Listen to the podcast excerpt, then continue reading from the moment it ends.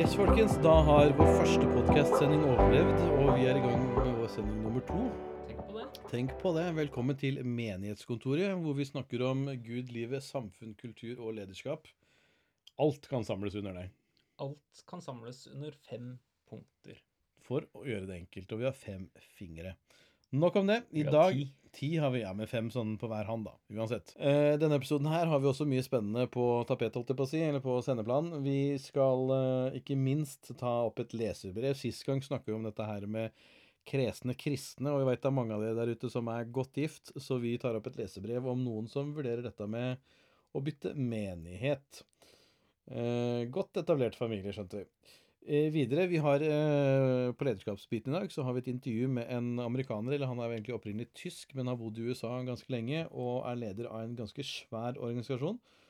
Eh, hvor han også har møtt veldig mange spennende mennesker. Så vi skal høre litt hvilke råd han gir i forhold til både mm, ledelse av menighet, organisasjon, business og selvledelse. Og ikke minst, Vedel, hva er vår venn Daniel i LA skal snakke om i dag? Daniel LA Danny, som jeg liker å kalle den, Oh, yeah. skal vel snakke om uh, Vi skal tilbake til Gamletestamentet i dag òg. Snakke litt om uh, floden. Floden, Syndefloden og Noas ark. En virkelig søndagsskolesleger. Har ikke Bjørn Eidsvåg en Floden-sang? Det kan hende jeg hører fryktelig lite på Eidsvåg. Hæ. Men jeg veit mange er fryktelig glad i den. Nok om det. Vi setter i gang.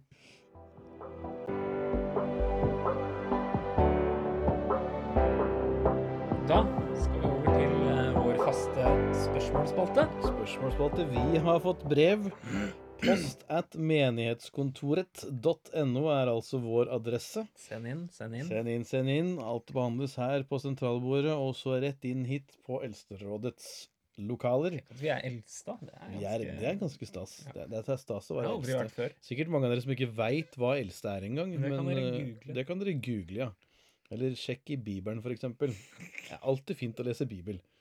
Det har mye godt med seg. Over til spørsmål. Over til spørsmålet, og i dag så um, har vi fra Birgit, 32 fra Kristiansand. Kjære Eldsterådet. Jeg er lykkelig gift, og vi har to barn på seks og fire år. Vi har vokst opp og vært del av den lokale menigheten vår i mange år. Siste året har vi begynt å kjenne på at gudstjenestene fokuserer i større grad på gamle, tradisjonelle sanger og uttrykk, og lite fokus på barn. Vi har som nevnt vokst opp i menigheten her, men vil jo også gi barna våre en god opplevelse av kirke. Hva bør vi gjøre? Hilsen Birgit. Flua? Godt vi har et orakel her. ja, uten tvil. Nei, Birgit. Um, min første umiddelbare tanke, uten at jeg skal kalle meg ekspert på noen som helst måte, er å finne deg noe nytt, da. Um, Det var rett på, Det var rett på. uten tvil. Nei da, det er sikkert mer sammensatt enn som så. Uh, du sier at dere har gått i den kirken Hva sto det? Lenge? Står at de er vokst opp der, så dette er vel et par som har møtt hverandre i samme, samme menighet osv. Ja. Eh, og da er det jo altså Da har man en tilknytning der. Ehm, jeg blir jo overraska hvis kirken eller menigheten plutselig har valgt å, å tenke litt mer gammeldags og konservativt.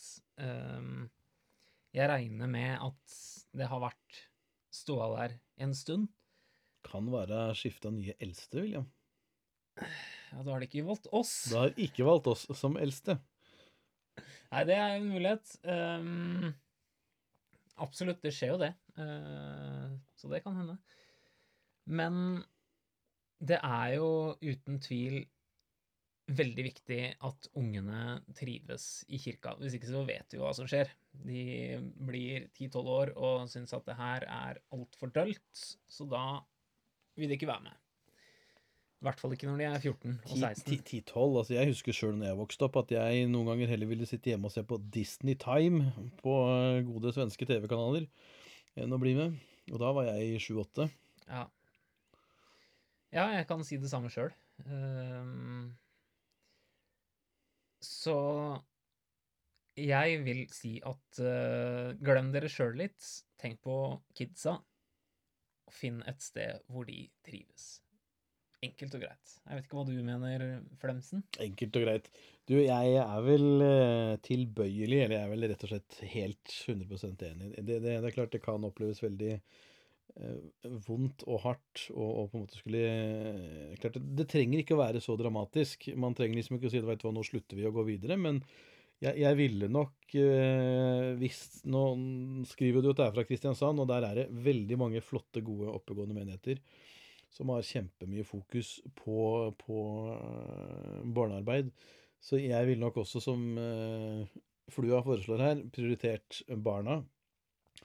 Og, eh, og en, jeg skal ikke nevne navn her nå, men en, en meget vis mann, både eldste og pastor, sa at han mener at en menighets gudstjenester bør på enhver tid på en måte være definert og målretta til de som, som, som, er i den småbarnsfasealderen og, og, rundt der, for det er der du får veksten, det er der du har dynamikken.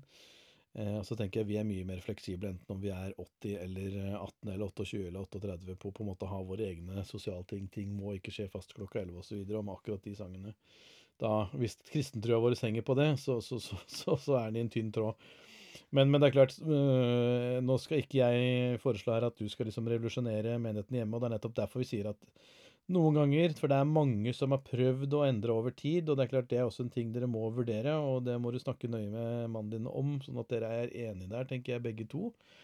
Uh, men i stedet for å bruke masse tid og gå og vente på og håpe på, og det er klart i den alderen barna er nå, på fire og seks, så, så, så, går det fort. Eh, og da vil jeg nok også fokusert på å finne en, en eh, bedre Eller altså ikke en bedre menighet, men en menighet som kanskje fokuserer mer på, på barnearbeidet. Det kan hende, Birgit, at, uh, at, dere har forsøkt å gjøre noe med det i kirka, eller så har dere ikke det. Det vet ikke vi så mye om.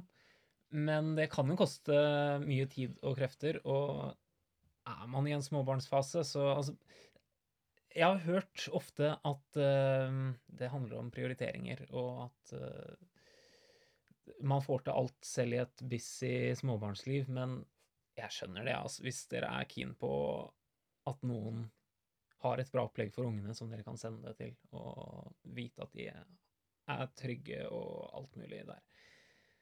Uh, og det som Flemsen sa, det fins mye kirker i Kristiansand-området, Sørlandet, som er gode på det her. Så jeg ville vurdert mine muligheter.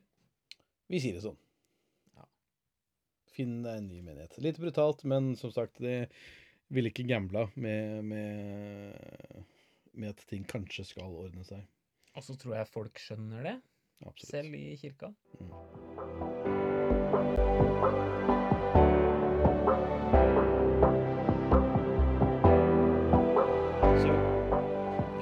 Us a little bit? You made the transition actually from going from uh, the corporate world into leading internationally the the the, the GLS Madula Creek Association.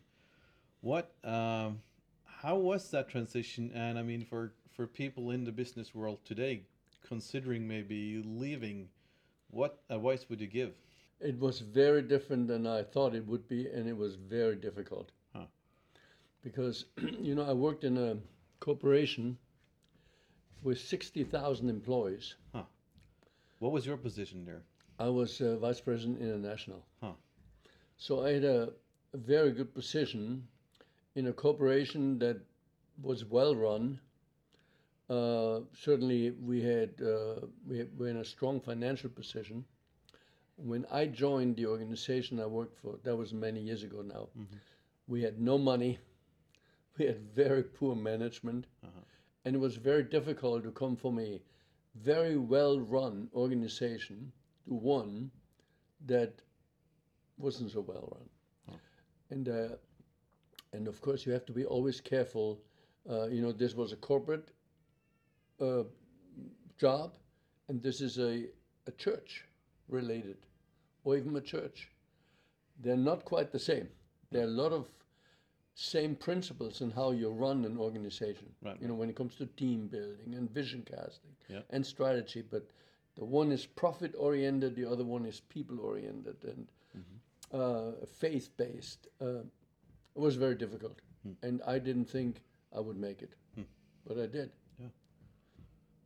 And what consideration, what, what kind of would you advise people who are maybe considering doing that kind of same transition or jump? I mean, uh, I think you ha- it was the case in my case. It was very clear that God was calling me out of the corporate, corporate world into this uh, church related uh, position. If it's not a calling of God, don't do it. ah, right, right. Don't do it because it's a financial Yeah. setback. Because you know if you're in a any position in any recent season uh, serious senior position, you make a lot more than you make uh, in a church related function. Right. So if it's not a calling, you just won't you won't do well. Yeah, yeah. You'll regret it. You have to know your why. You have So to know your why. Absolutely. You have to be very clear that God wanted me to make this change and therefore it will work and I will do it. B- You know, there's a book I read, it's called uh, Descending into Greatness. Mm-hmm. And it really talks about that very effectively.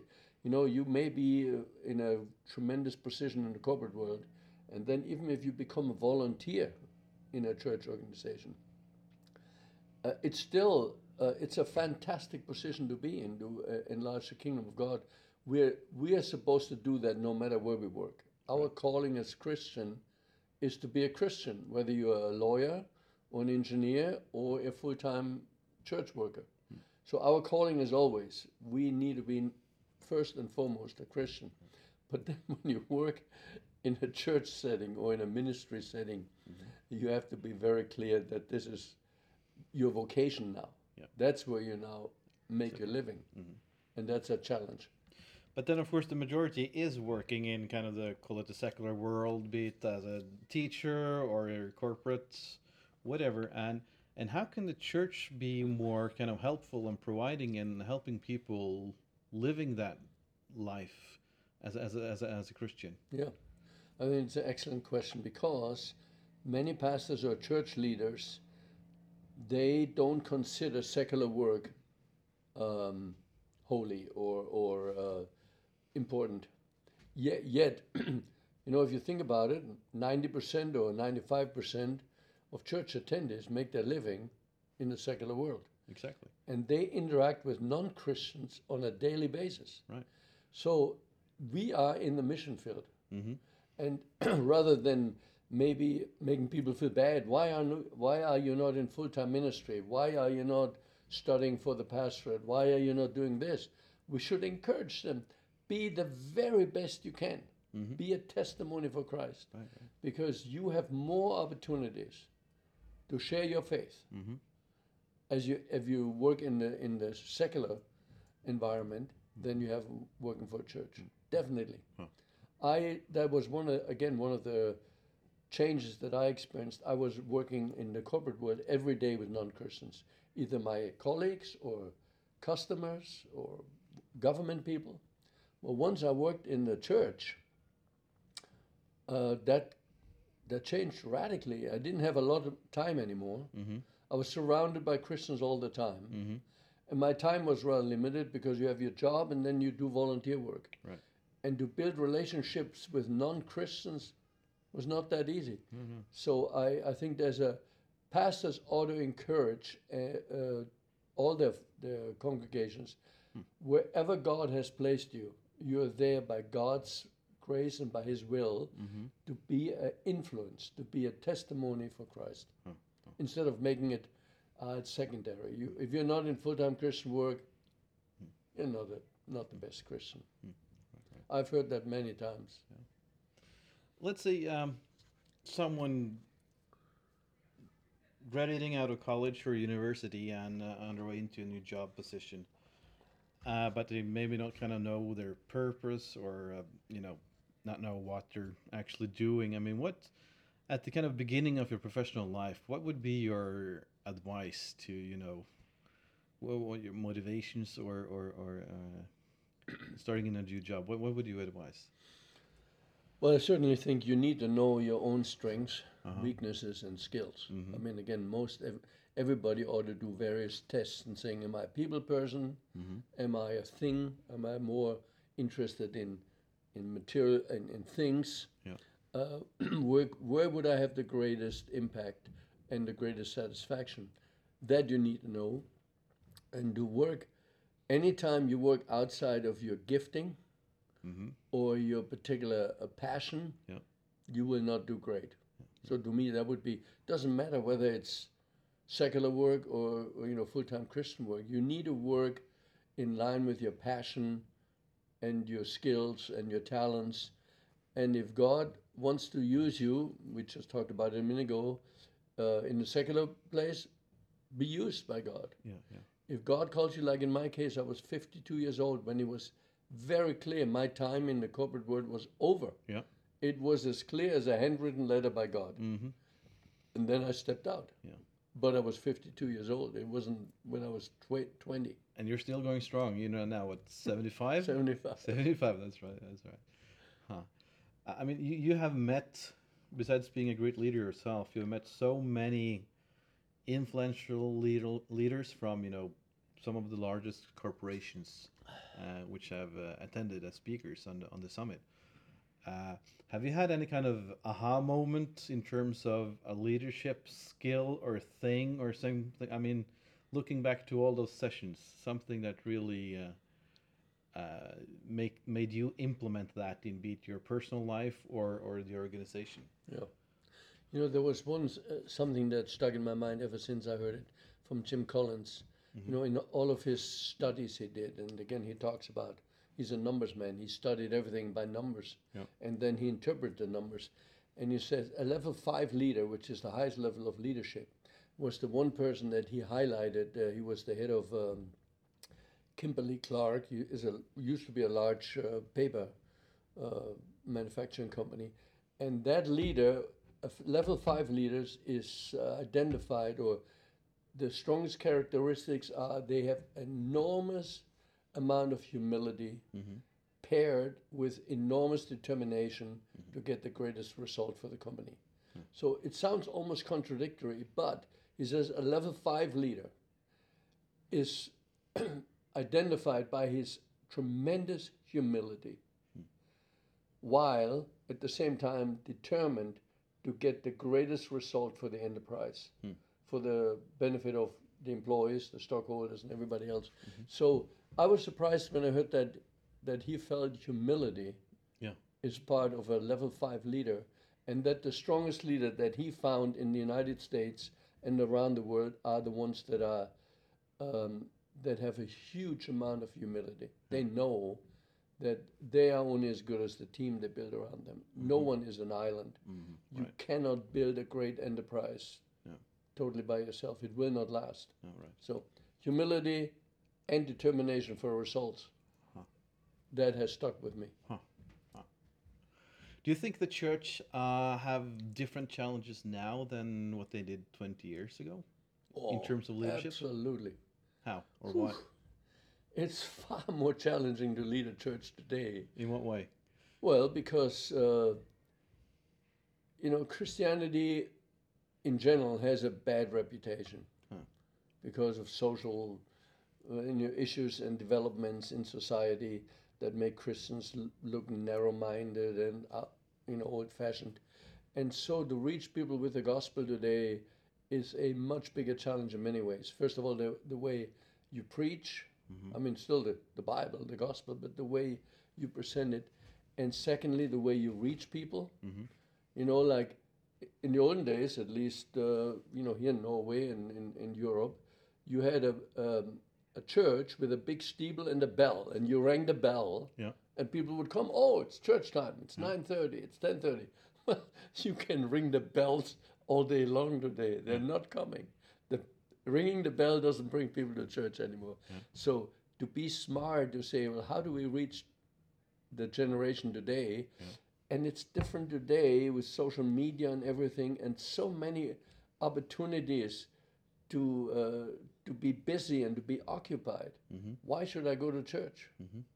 I mean, that's a tough challenge. I think to be in church ministry today is probably one of the most challenging positions one can ever have. People are not interested in what you are selling, Right, right. in what you're offering. Uh, so they're not interested. It's a tough obstacle to overcome. And many people have church experience, and most of them are disappointed. Yep. So it's always more difficult to regain a disappointed customer. Right. Takes 10 times the effort. Right.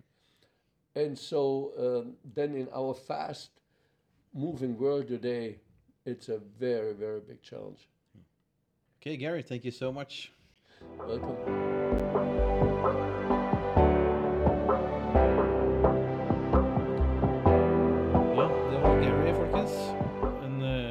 Tenker veldig ydmyk og oppegående leder. Det som eh, er veldig kult, syns jeg, at han mannen her er jo 75 år. Og når jeg snakka med han, så hadde han eh, Det var jo i Oslo, men han hadde da først kommet fra Sverige, eh, altså da flydd fra USA til Sverige, og så skulle han videre til Finland, og så skulle han ned tror jeg, til Sør-Afrika. Hmm. Der liker du deg, Williamsen. Ah, for et land. For et land. Så tror jeg han skulle videre opp til London og Tyskland før han skulle tilbake til USA. Og Det er en alder av 75, så skulle det være noen seniorer som lytter på dette her, så er det sånn For det første, ikke tro lite om deg sjøl i forhold til eh, innflytelse og viktighet av å være med der. Og ikke minst, bruk litt penger på å dra og oppdage verden.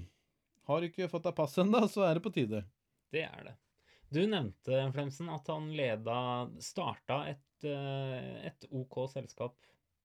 Ja, altså han kom jo eh, Han kom jo som sagt fra den sekulære bransjen, og der tror jeg de var 60 000 ansatte. Altså det var et veldig svært Og han var jo, som han sa, Vice President International. ehm, og gikk over til å bygge en organisasjon som, som eh, hvert år influerer hundretusenvis av ledere rundt om i godt over 100 land.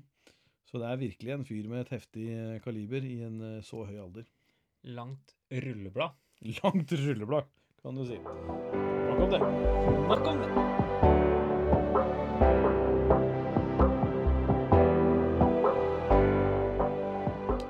Da skal vi gå videre på sakslista her på menighetskontoret, hvor vi har kommet til visdom og visvas. Det er jo slik at uh, det står fryktelig mye på nettet der ute. Det er veldig mye informasjon, om man kan kalle det det, eller rett og slett mye fjas også. Noe veldig fornuftig, noe som man definitivt bør få med seg. Andre ting som er bare visvas. Eller frustrerende. Og jeg vet ikke, Flua, er det noe du har vært borti i det siste, eller tenkt over som ja, er visdom eller vistas? Mye visdom. Mhm. Enda mer visvas. Enda mer vistas. Jeg kan la meg frustrere, Flemsen. Har det litt å si om hva du leser òg? Absolutt. Mm. Det, det, det kan ha en sammenheng. Jeg ser ikke bort ifra det. Kan være inne på noe. Um, og dette kan Det kan godt hende du har hørt det før. Og det skrives om, og det forsøkes opplæres. Men folkens Jeg snakker kanskje spesielt til generasjonen som er hakket over oss, Flemsen. Si 40 pluss. Du går den veien, du. Ja, rett og slett. Ja, det var litt ok. Drive litt voksenopplæring. Det er viktig. Uh, når vi kommenterer artikler, kjære lytter, så kan vi ha i bakhodet at uh, at det er bra å komme med meningsutvekslinger. Det er bra å ikke følge strømmen hele tida og mene det samme som 80% i dette kjære landet vårt gjør. Ehm, og fortsatt går det an å kommentere med, med en viss respekt og en, med en viss tanke om at det er mennesker her vi kommenterer, og som vi mener om, og mener mye om. Så når vi kommenterer artikler vi leser, folkens, eller debattinnlegg som vi leser, og som vi er enig i, eller ikke minst uenig i, så går det an å komme med mening. Det går an å komme med mening som som ikke er så mainstream i, blant befolkningen for øvrig, men det går an å komme med respektfulle meninger. Og tenke at de du er uenig med For det første er det folk, det også. Ikke Tro det eller ei. Rett og slett. Det er ikke kunstig intelligens. Nei, det er folk. Og de har følelser, som du og jeg. Og det går an å ha i bakhodet. Det går an å tenke også at kan hende de har noen poenger som jeg har gått glipp av. Eh, overvei det to ganger. Um, jeg snakker litt til meg sjøl òg, for jeg kan la meg provosere over uh, mye. Kanskje man skulle hatt litt sånn som uh, Altså, én ting er jo uh, Gmail har jo sånn der angreknapp når man sender. Det hadde vært noe implementert, ellers er noen ofte Facebook har også fått det nå. Facebook har fått det. Nemlig, bruk den! Eller ikke minst, ta så bare skriv det i noe helt annet før du skriver rett inn. Og så tygger du litt på det, og kanskje bare vente til i morgen. Rett og slett. Ja. Det, verden hadde vært et bedre sted hvis vi hadde venta til i morgen. Mer blomster. Mer bier. Det trenger vi også. Flemsen, Yes. visdom eller visås? Jeg ønsker vel å melde Jeg tenker det er en sak ute og går som, som har liksom vært litt mer i fokus det siste sånn fra røftlig 2015-16-ish. Som, som jeg opplever eh, både er, har mye visdom i seg, og dessverre fryktelig mye visvas. Hm. Eh, noen jeg tenker det kan være fint å lytte til, sånn foruten kong Salomo, er eh, en organisasjon jeg setter veldig pris på, og det er ikke en av våre kjære, misjonsorganisasjoner, selv om dem er veldig flotte, men jeg tenker på noe så nasjonalt som PST. Politiets pst, Politiets sikkerhetstjeneste, og ikke minst Etterretningstjenesten. Hva het det tidligere? Må ikke spørre om sånt. E-tjenesten, Cyberforsvaret, eller noe sånt nå? I don't know. Anyways. Dem er ikke så dumme å lytte til. For jeg tenker det at vi, vi, vi må Vi er litt sånn naive her på berget at vi tenker at så lenge vi får liksom spredt demokrati, og så lenge en eller annen eh, person med litt sosialfaglig kompetanse snakker med mennesker, så går alt greit. Det er ikke sånn. Vi består både av gener og oppvekst og, og ikke minst historie som peker på at det vil alltid være krig og uroligheter. Og nå lurer du kanskje på hva i all verden er det jeg driver og snakker om. Jo, Russerne kommer. russerne kommer ikke minst, og kanskje noen som er litt lenger sør for russerne. Kineserne. Om de kommer eller ikke, det skal ikke jeg mene altfor mye om, men hva er det vi tenker med når Unnskyld, men altså Huawei. PST går tydelig ut og er bekymra for Huawei. De lager gode telefoner. De lager gode telefoner til halv pris, må vite, som da er like gode, eller nesten like gode som De er iPhone. like gode. Jeg har hatt Huawei sjøl. Ja, okay. Fantastiske telefoner. Det får bli et eget innslag i en annen episode. Men altså, når, når PST går inn og advarer mot altså, Det er ikke kanskje alle som veit hva 5G er for noe, men det skal jo bygges. Eh, Telenor har hatt anbud osv. Og, Huawei skal bygge ut noe av dette. Når du surfer på mobilen i dag, så bruker du 4G. Så skal 5G gå, sånn at du kan laste ned tingene dine enda kjappere. Før i tida hadde vi 3G. Det Ja. er du for ung til å huske. Ja. Og tingen er at nå ikke sant, så har både USA, Australia og New Zealand bannlyst Huawei i mobilnetta sine. Eh, Norge vurderer dette her, men vi tenker jo dette er bare oppspinn. Og det er jo ikke lenge siden vi nå nettopp hadde en sak om Visma, som da hadde blitt hacka. Ja. Jeg mener Aftenposten skrev i en sak at fra at sånne cyberhackinger til bedrifter hadde dobla seg fra 2015 til 2016. Det Så dette er big business. Og jeg, jeg tenker at dette her må vi ta på alvor. Ikke minst du som sitter der hjemme, får deg en sånn der password manager-sak. Ikke sånn derre navnet på en eller annen familie, altså mora di eller dattera di, og fødselsdatoen til en eller annen slektning. Eller bikkja. eller bikkja. Eller dørstokken, hva det nå skulle være. Det er så, Visma de hadde jo, Men det, det er apropos Visvas, da. Det var når NRK hadde dette på Dagsrevyen. Da legger de skylda på Kina, og så er det greit. Uten at journalistene følger opp noe med å spørre men hva tenker dere i forhold til at det er en haug av norske og andre europeiske bedrifter som har på en måte kanskje mista ganske sensitiv data. Det, er liksom, det var ingen kommentarer om. så jeg, Poenget er at det er ikke bare liksom skulle skylde på russerne eller kinesere, men det er mye kriminelt der ute som skjer. For disse her berømte Huawei. Det var jo en, Aftenposten hadde jo en sak her nå nylig hvor, hvor de skriver om Hva var det? Det var liksom snakk om flere Jo, det var Den afrikanske union Å ja vel? som hadde blitt sponsa av Huawei som en gave. Dette er Kinas gave til våre venner i Afrika, sa de. Det var da til Afrikanske union i Addis Abeba i Etiopia, hvor hun fikk wifi-nett og skyløsninger og datamaskiner for 1,6 milliarder kroner. Eh, og dette har liksom både Le Monde og Financial Times og flere skrevet om. Og dette har de nå funnet ut da, fem år etter, at mellom klokka, altså rundt midnatt og til klokka to på natta så sendte disse maskinene fra hovedkontoret masse mengder data til Shanghai gjennom Huaweis lagringssystem. Dere skjønner, dette er interessant, og det er nettopp det. Altså, nå skal ikke jeg på noe som helst måte være forsvarer av Trump, men for å ta dette her med Han heter Trump. Trump. Trump. P. Trump. P. Det er veldig mange som sier Trump. Sorry, Trump.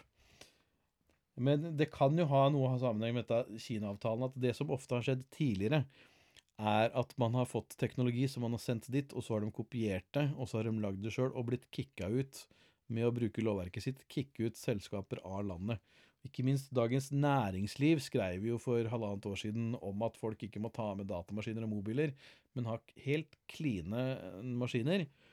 Eh, Sånn at, fordi de da kunne dokumentere at mens de liksom er ute og briber disse her eh, hotshot-sjefene på ute og spiser og alt mulig rart, så har en folk som går opp på hotellrommet og tapper info.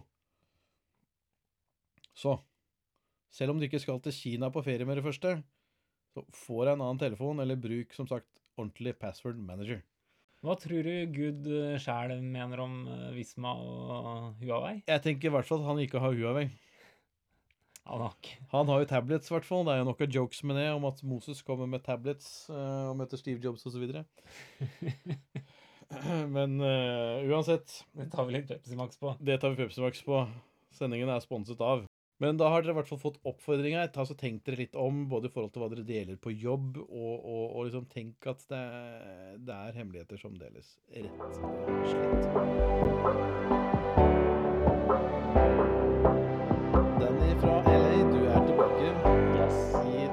Episoden også. Veldig hyggelig. Hvor uh, det er ganske stor tidsforskjell uh, mellom oss her, men det, det er bare gøy. Ja da. Sist gang så snakka jo vi om, uh, om kjempene, eh, og som var inne på at det er kanskje en historie mange ikke har hørt om, men som vi sa, så er dette noe vi ønsker å trekke fram, som kanskje ikke alltid eh, blir henta inn i, eh, i prekener som man kan høre på en søndag. Nå er det sånn at i dag skal vi snakke om Noas ark. Mhm. Den har vel kanskje mange i hvert fall kjent igjen fra, fra søndagsskolen, for de som har uh, gått der. Eller det har jo også blitt gjort diverse filmatiseringer. Mm. Seinest en med Russell Crowe.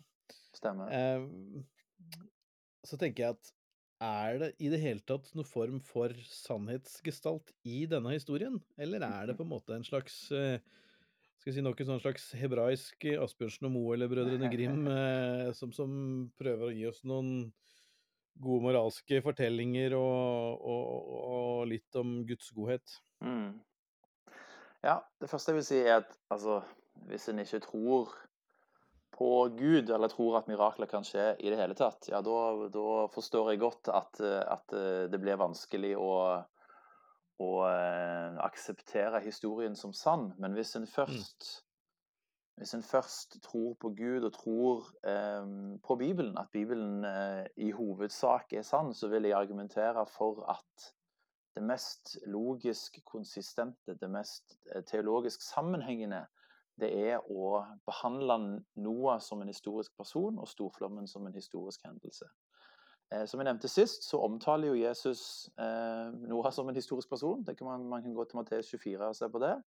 Samme gjør Peter i 1. Peters brev 3,20 og bekrefter antallet mennesker i arken, som er åtte.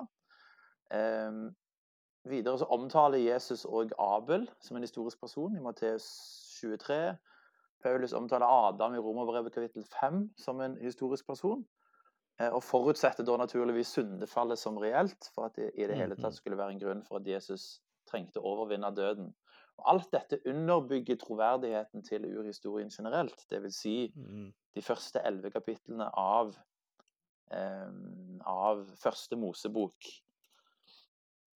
Eh, jeg vil òg gjøre et poeng av at eh, av at disse slektstavlene som, eh, som man finner i flere forskjellige bøker i Bibelen, og taler for at Noah var en historisk person.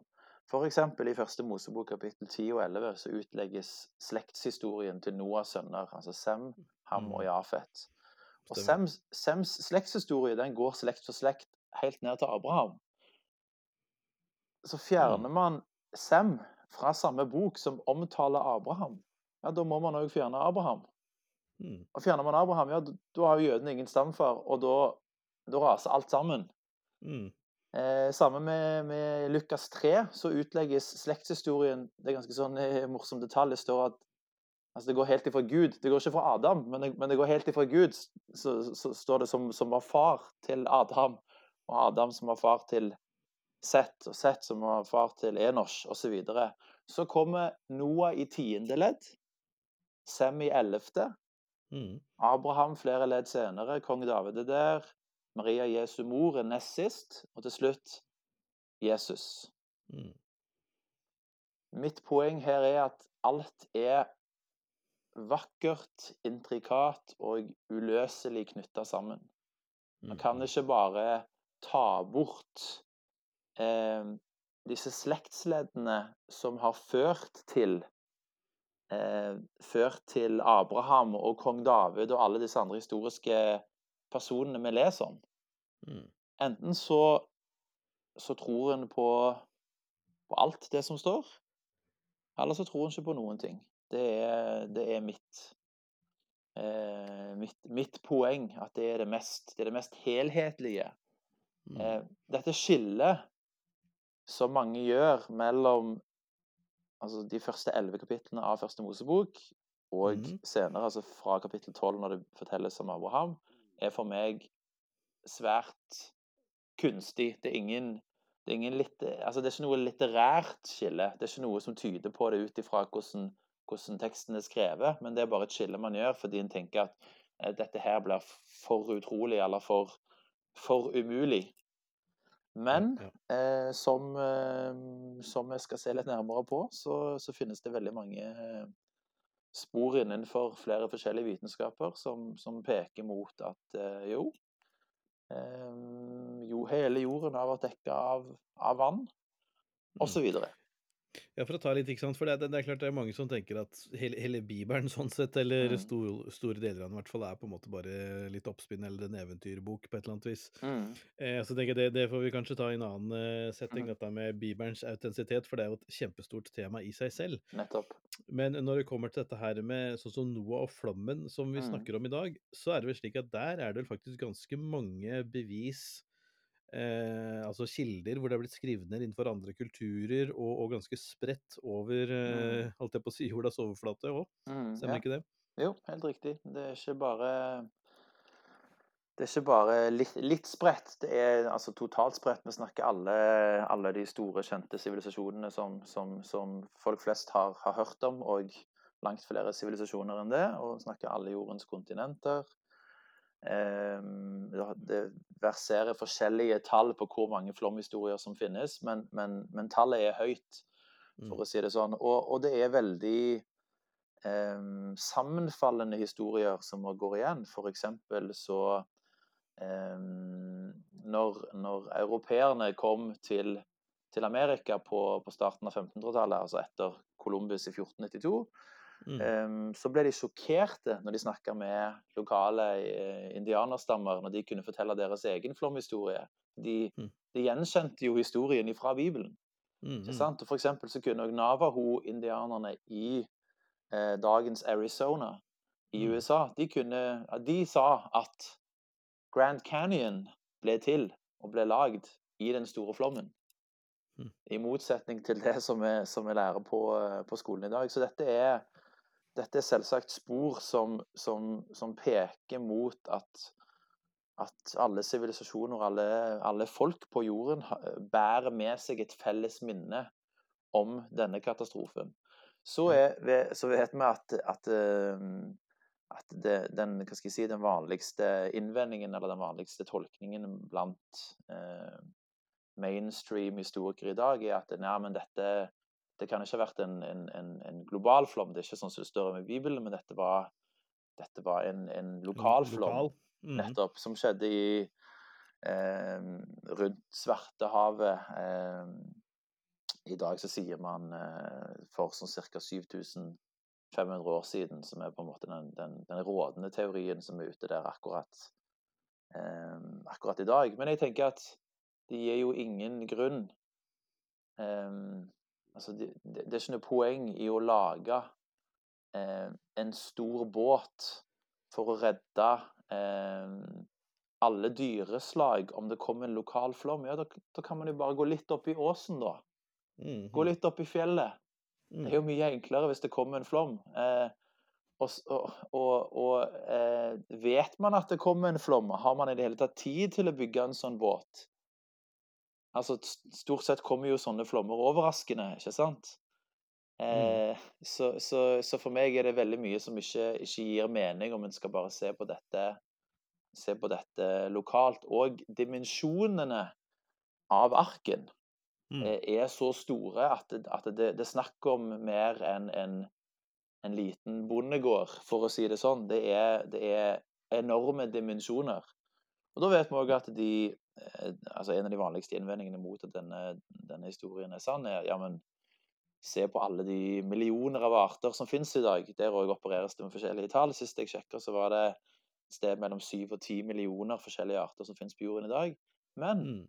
her må vi se på bibelteksten. Det står ikke at Noah tok med seg to av hver art. Det står at han tok med seg to av hvert slag. Og det er en stor forskjell. Så Mm. da holdt det med to hunder, to katter, to Mm. hester osv. Men, men, men har man For én ting er jo på en måte at ok, det er veldig mange forskjellige kulturer som, som, som skriver om, eller man kan eh, trekke tilbake til en sånn stor flom. Men Mm. Mm. er, er det noe i det hele tatt noen bevis? Har man liksom funnet noen rester? Altså Det står jo ganske tydelig i forhold til Araratfjell osv. Mm. Ja, Um, hvis vi ser på, på um, andre historiske kilder og hva de, hva de sier om det, så finner man eh, ganske interessante eh, ting der. Um, Mm. eh, Berossos, en kjent og eh, troverdig babylonsk historieskriver, skrev Mm. sånn ca. 257 år før Kristus at, eh, at deler av verken fremdeles var synlige Mm. oppe i Araratfjellene, og at det på hans samtid fremdeles var vanlig å gå opp i fjellene og skjære biter av arken, og så bære dette rundt halsen som amuletter. Mm. Og flere historieskrivere og kirkefedre nevner dette etter um, Brossus.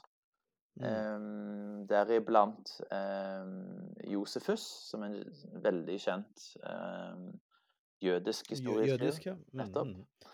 Um, og går man til det fjerde århundret etter Kristus, så finner man et uh, morsomt uh, sitat av uh, en biskop som heter Epifanius, som, som Mhm. sa at ja, men, tror du virkelig at vår tro er uten bevis?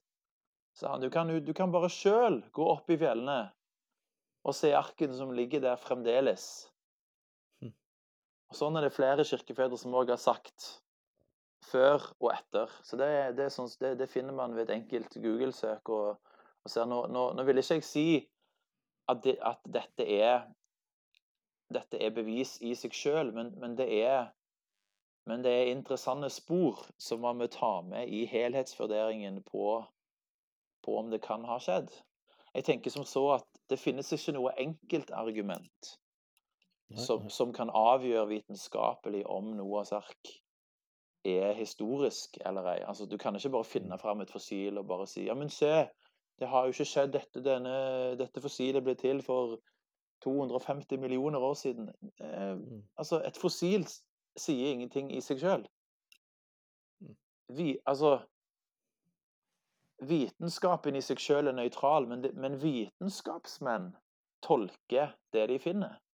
Mm. Og for å kunne For å kunne finne ut den sanne verdenshistorien, så må en forholde seg til mange forskjellige vitenskaper på en gang. Og det, det er veldig utfordrende. Eh, Det hjelper ikke nødvendigvis å være ekspert på ett felt, fordi en må forholde seg til så utrolig mange andre felt.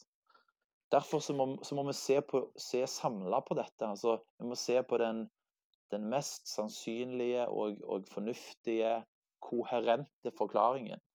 Mm. Og, er med, og da tenker jeg at det er sikkert mange lyttere som, som tenker ok, greit, det kan jo ha vært en båt videre som har Mm. skvulpa rundt, eller noen vil kanskje si at noen har kanskje båret den oppi der òg, fordi det må jo på en måte etter, altså Hvis vi snakker en eh, totaldekkende flom, da, det Mm. må jo være noe i geologien her som peker i retning av, av, av dette her, og hvor, liksom, hvor, kom alt dette vannet fra? Er det liksom Gud knipsa bare og gjorde et mirakel, og så plutselig kom det masse vann, og så forsvant igjen? Eller har man liksom noe som kan peke i retning uh, av, at det faktisk at jorda slik vi kjenner den nå, da, kan mm. ha vært dekka av, av, en hel, så å si heldekkende flom? Mm.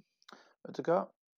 Klatrere på Mount Everest som har vært i over 8000 meters høyde eh, på fjellet mm. der, de har observert med egne øyne um, fossiler av kjempeøsterser. Så vi vet hm. at hele jorden har vært dekka av vann. Og dette er, mm. dette er også opplest og vedtatt, eller, eller hva skal jeg si, eh, anerkjent blant alle geologer.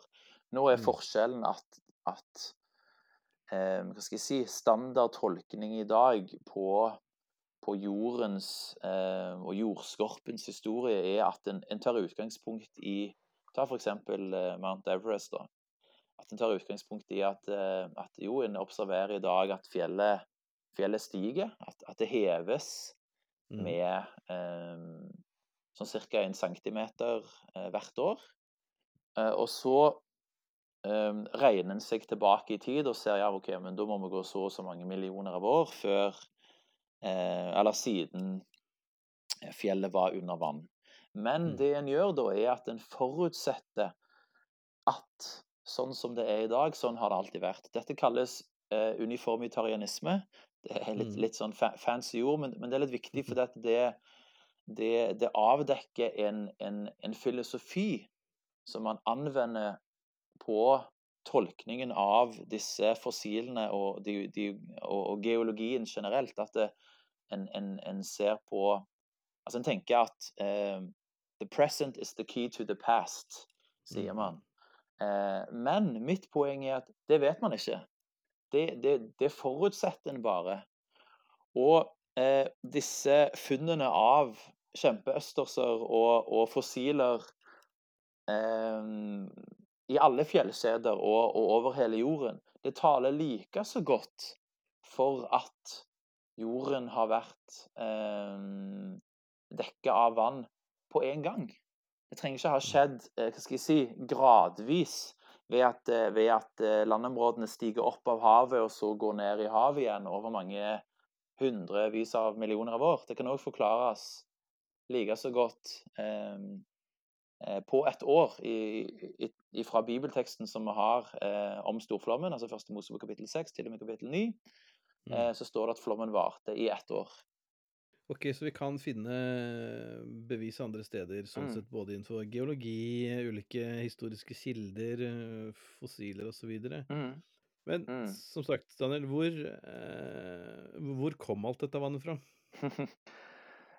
det står i Første Mosebok kapittel 7 Ehm, fra vers 11 til 12 så står det i det, Noe, mm. i det året Noah fylte 600 år, den 17. dagen i den andre måneden, brøt alle kilder i det store dypet fram, og himmelens sluser åpnet seg, og det regnet over jorden i 40 dager og 40 netter.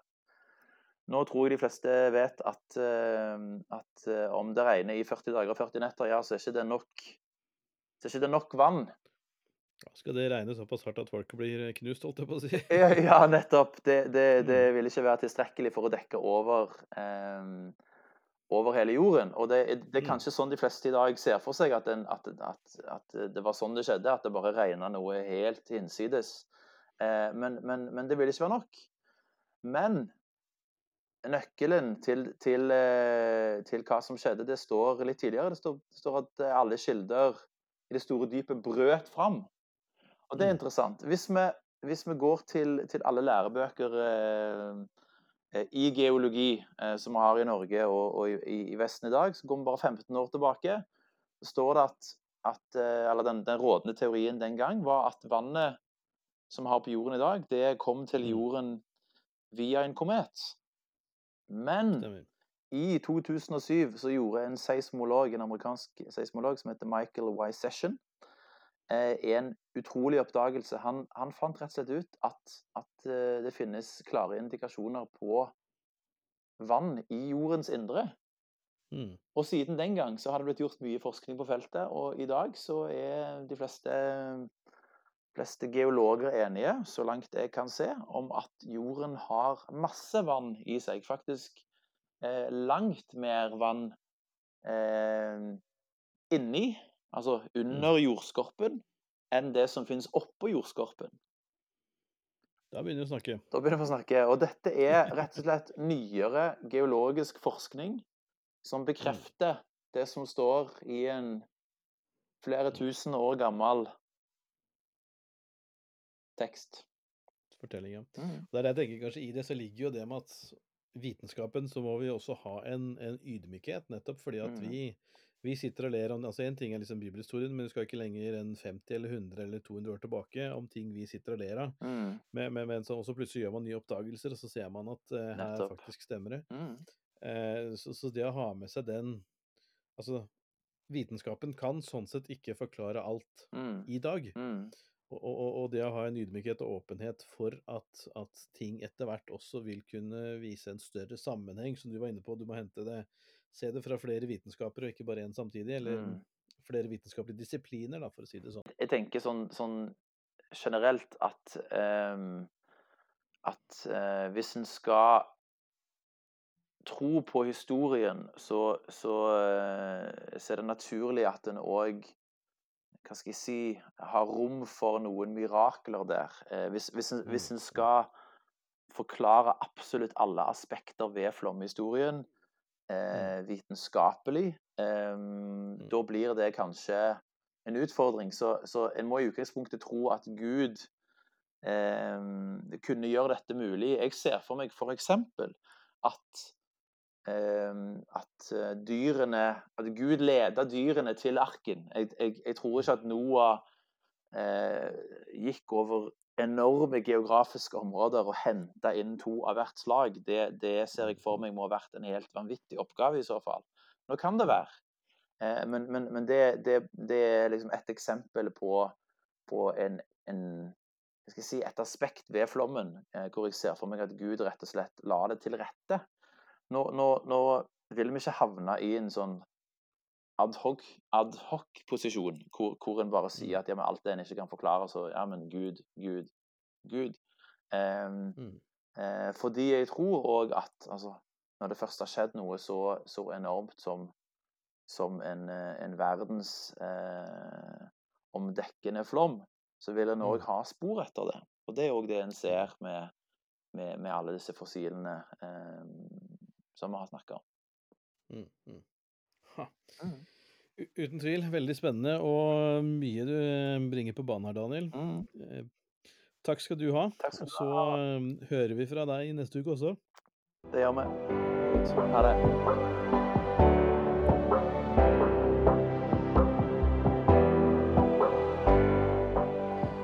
Yes. Flua, det var eh, Danny G fra LA igjen, det. Danny Boy. Oh, Danny Boy. Husker du den? Nei, jeg hørte ikke på sånt ut. Chub Chumba Wumba. Thumbing. Den anbefal- det er de du anbefaler denne gangen. 97. Årets hit i 97. I get knocked down, but I get up again. Ah, okay, Ja, husker det. Da, Vedelsen, da gjenstår det vel bare å si takk for oss nok en gang. Nok en gang. Nominer oss til Vixen. Vi snakkes!